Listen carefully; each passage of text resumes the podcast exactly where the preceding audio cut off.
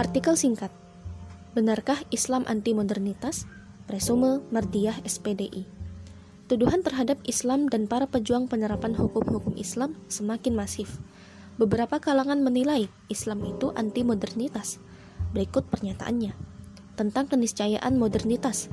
Di barat, modernitas ditempuh melalui sekularisasi dengan tesis.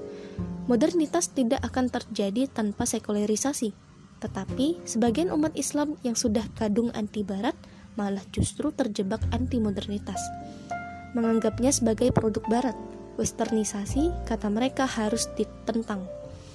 Dari pernyataan tersebut, mereka menuduh Islam anti modernisasi, kemudian merembet pada pejuang Islam yang ingin mengembalikan Islam seolah ada ungkapan anti demokrasi, anti modernitas, anti barat berarti terjebak anti modernitas. Jika modernitas diartikan sebagai kemajuan, benarkah Islam anti kemajuan? Kalau melihat dari pendapat dan teori di antaranya Smelser 1984 menjelaskan modernisasi lebih dari sekedar pembangunan ekonomi.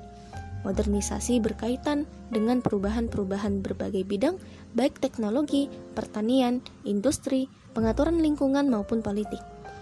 Melihat definisi tersebut, sesungguhnya Islam tidak anti modernitas, bahkan memerintahkan umatnya untuk berubah sesuai tuntunan Islam sebagaimana firman Allah Subhanahu wa taala dalam Quran surah Ar-Rad ayat 11.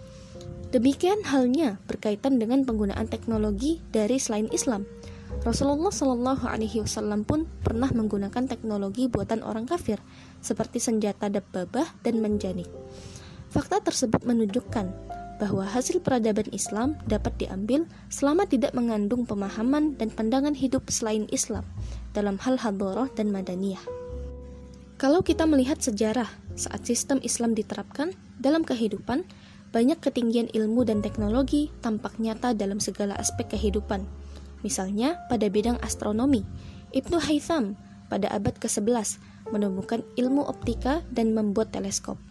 Dari fakta pada masa Islam diterapkan secara kafah, baik masa Rasulullah maupun kekhilafahan, tampak jelas bahwa Islam tidak anti modernitas atau anti kemajuan. Bahkan Rasulullah Shallallahu Alaihi Wasallam memerintahkan kepada kita untuk maju, hanya saja dalam batas tidak boleh menyimpang dari hukum syarak. Sebagaimana Hadoroh dan Madaniyah menurut Syekh Taqiyuddin An-Nabahani dalam kitab Nizamul Islam menyebutkan Hadorah adalah sekumpulan mafahim atau ide yang dianut dan mempunyai fakta tentang kehidupan, sedangkan madaniyah adalah bentuk-bentuk fisik dari benda-benda yang digunakan dalam berbagai aspek kehidupan.